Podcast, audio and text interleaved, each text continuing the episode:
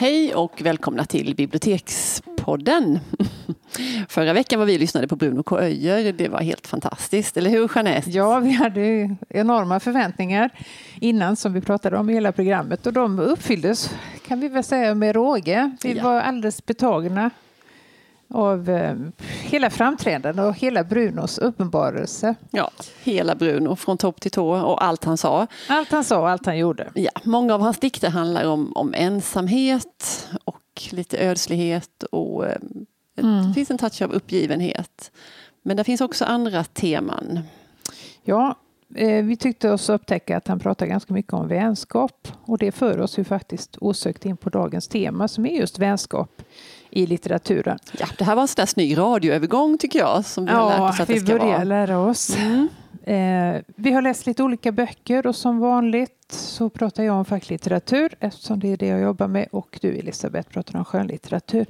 Och jag ska börja då med eh, mitt första exempel som handlar om eh, vänskapens eh, kulturhistoria. Låter väl oerhört spännande, tycker ni inte det? Jo, jag tycker det på riktigt. Ja, mm. och det är det faktiskt. Jag ska inte raljera över det. Det är Eva Österberg som har skrivit en eh, gedigen bok som heter Vänskap, en lång historia.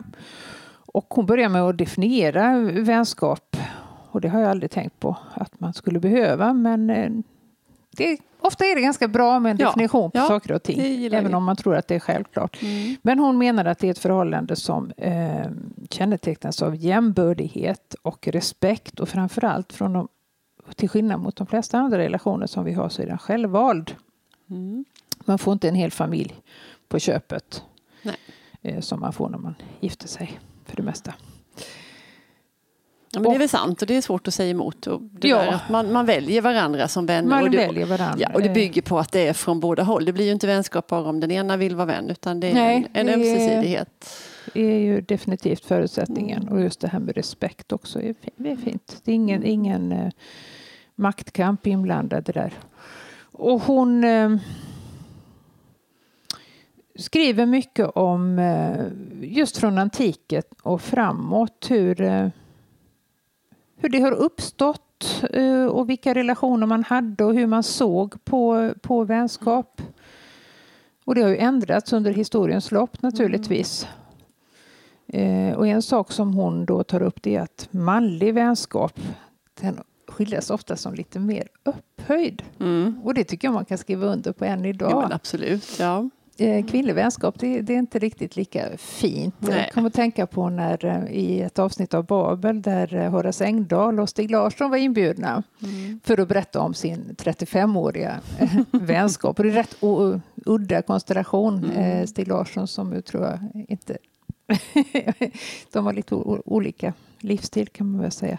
Men då var det också något lite vördnadsfullt över programledaren som mm. skulle prata med dem om deras långa vänskapsförhållanden. Och tror det är svårt att föreställa sig två kvinnor som skulle få den, eh, det utrymmet. Ja, precis det där upphöjda. Eh, mm. Det intressant. Mycket intressant. Mm. Och sen tänker jag också att, att vänskap generellt, att det har, det har liksom skrivits jättemycket om kärlek och att kärleken är så upphöjd och det högsta och, mm. och fantastiska och sådär. Och att det om man söker liksom, hur många böcker finns det som handlar om kärlek så, så får man hemskt, hemskt, hemskt många mer träffar än, än sådana som handlar mm. om vänskap. Och egentligen så är ju vänskap, nu kan man ju inte gradera eller liksom vikta det här vilket som är viktigast. Men, men vänskap är ju något alldeles oerhört basalt och livsavgörande för massa människor. Mm. Och, och skriver lite... just om skillnaden mellan mm. kärlek och vänskap ja. också och har ett, ännu ett citat som är Vänner i kärlekens vardag. Ja. Och det är mycket vardag i tillvaron. Ja, det är ju det, är ju det vi har flest av. Mm.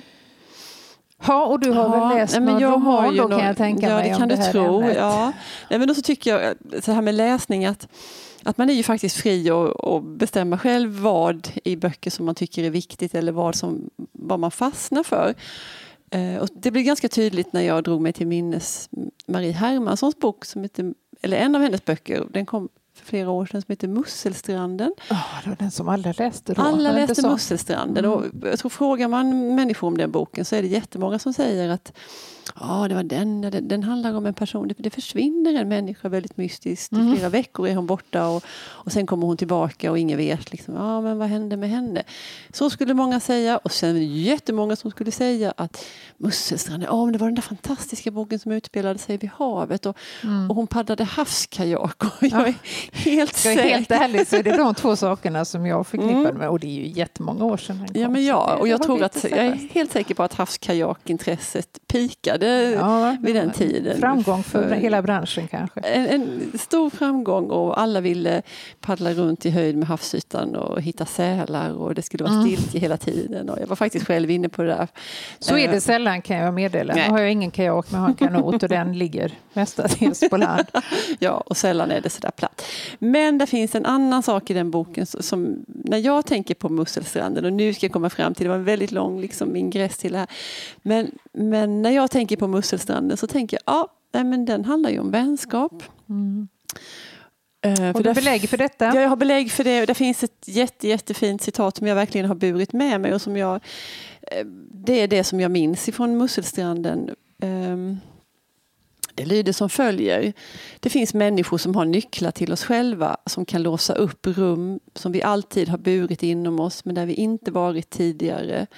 Till de här människorna står vi i en särskild relation. Mm. Jag tycker det är så himla bra det där. För, för så tycker jag också att det är med vänskap, nämligen att, att det, det uppstår någonting, alltså man får syn på någonting. Tack vare den här människan, den här vännen, så får man syn på någonting. Så, så belyser, i bästa fall, så, så belyser den här vännen platser inom en själv som man Mm. har burit med sig alltid men inte riktigt haft pejl på. Och, och det gör liksom att man själv blir lite bättre Man, tillsammans blir, ja, med den man här. förstärker varandras goda sidor Ja. förhoppningsvis. Och man får syn på någonting som, som man har konkat runt på i alla Mm. tider och, och Mm. inte haft riktigt, varit riktigt medveten om. Mm. Och, även om inte man sätter de här orden på det eller tänker så här när det händer så Nej, men man känner ju. För att Ja. just det där att man kan inte tvinga fram vänskap utan antingen så funkar det eller också gör det inte det. Det är mm, intressant. ja.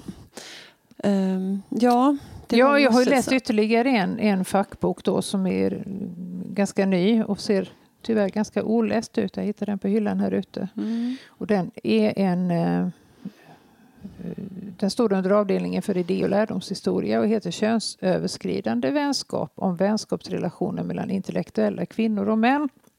Och den går då eh, ganska... tar en massa exempel på eh, vänskap mellan kända män och kvinnor. Är Horace och Stig med i den? Nej, de ju. är- Det borde de ju kunna Faktiskt inte med eftersom de är män båda två utan det här är Ja. mellan en man och en kvinna. Jaha. Eh, och det börjar då hon eh, också gå grundligt tillväga, precis som Eva Österberg i den förra boken, att under antiken så ansågs att vänskap mellan män och kvinnor det var helt omöjligt eftersom vänskap bara kan finnas mellan jämlikar och det vet ju alla att män och Mm. kvinnor kan ju aldrig bli faller ju på sin egen orimlighet. Precis. Och dessutom så var det antika vänskapsidealet oerhört krävande för vännen skulle vara en tvillingsjäl och ens andra jag. Eh, och så är det ju inte längre utan nu är det väl, hoppas jag, mer och mer vanligt att man har vänskapsrelationer utöver sitt eget kön. Och exempel som hon ger på det är bland annat Sartre och eh, Simone de Beauvoir. Eh, och de har ju alltid, precis som jag tror de flesta andra, i första hand sett som ett kärlekspar. Mm. Men det menar då den här författaren Ingrid Holmqvist att så är det inte utan de var framförallt, de hade i, i början hade de en eh, kärleksrelation men den övergav de ganska snart och det var framförallt en eh, intellektuell förbindelse mellan två jämbördiga filosofer som gav, de var varandras första läsare som hon skriver. Mm. Schysst. Schysst! Så det är exempel ur alla tider och eh, flera olika kulturer. Så Den är Mm. intressant att läsa. Den Ja. också. En annan intressant bok som jag drog mig till minnes är Margaret Atwoods bok Kattöga.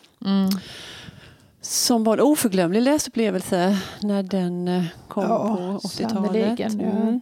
Mm. Jag kan fortfarande komma ihåg känslan jag hade när jag Mm. läste den boken. Mm. Och det är ju ganska... Det är ju liksom ingen idyllisk vänskapsskildring för det handlar ju mycket om hur... Sannerligen. Nej. Nej.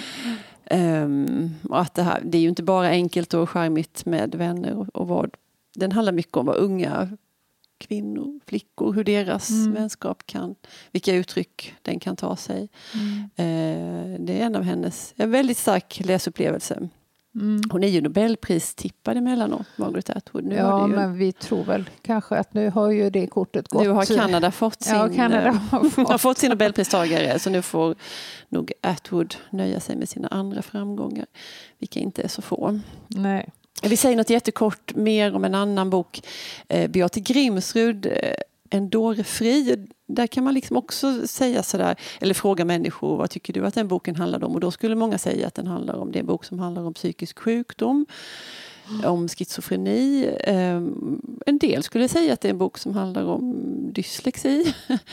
um, huvudpersonen i den Man boken. läser nog in väldigt mycket biografiskt i och med att mm. Eh, författaren eh, både lider av dyslexi och har eh, erfarenhet av eh, psykisk sjukdom, ja, eller hur? precis. Jo, mm. och det är hon ganska öppen och tydlig med. Mm. Eh, men boken är boken. Men, och, och, man kan också, men det finns också fantastiska eh, vänskapsskildringar i den som jag också fastnade för när jag läste den. Och hon, hon, eh, hon blir lite förälskad i, i, sin terapeut och det, det blir väl nästan alla mm. mer eller mindre. Det ingår nog. Det ingår och han heter Johannes och hon, eh, hon hyser lite så ömma känslor för Johannes. Men, men så, samtidigt så avfärdar hon dem för hon tänker att det där leder ingen vart. Istället så tar hon skydd mm, bland sina vänners. Och hon skriver jättefint om hur viktigt det är och, och mycket om den här lojaliteten. För lojalitet tycker jag också är en oerhört mm. viktig ingrediens när man talar om vänskap. Att, eh, att då går liksom vänskapen före på något sätt. Att mm. det är, man är lojal i första hand. Nu kommer jag att tänka på Lena Andersson som mm. i båda sina böcker ofta nämner den så kallade väninnekören. Ja. Det är de där vännerna som försöker få henne att ta förnuft och reson. Men mm. Hon lyssnar ju på dem med ett halvt öra men ja, eh, hon kan inte säga att hon lyder deras råd. Precis. går hon ändå vidare ja. på sitt sätt. Mm. Det kanske var detta vi hade att det säga om vänskap litteraturen men det var ju det finns ju mer att hämta. Mycket mer. Vad pratar vi om nästa gång? Ja, men jag tycker vi kan väl göra en liten sån radioövergång till då, för vi tänkte bjuda in lite vänner till studion. Ja. Mm. Vi känner oss lite ensamma och vi är väldigt nyfikna på... Det här handlar ju mycket om läsning och litteratur och vi tänker ta hit lite olika mm. personer och fråga dem, vad läser du? Och varför ja, läser gick, du? Ja, och hur gick det till när du började läsa? För jag har en idé om att, att det för många kan det ha varit en... Någonting har hänt under uppväxten, under ungdomsåren. Antingen man hittade en bok som, som talade till en väldigt mycket. Man mötte en person som ledde in den på något läsande spår. Mm. Eh, och det där tycker jag är så intressant att fiska i det. Vad var det som fick dig att läsa? Mm. Ja, vem vi börjar med det vet vi inte Nej, riktigt. Det är hemligt. Vi har en lång gästlista. Men det kommer mm. och det kommer förhoppningsvis flera. Tack och hej för idag. Hej då.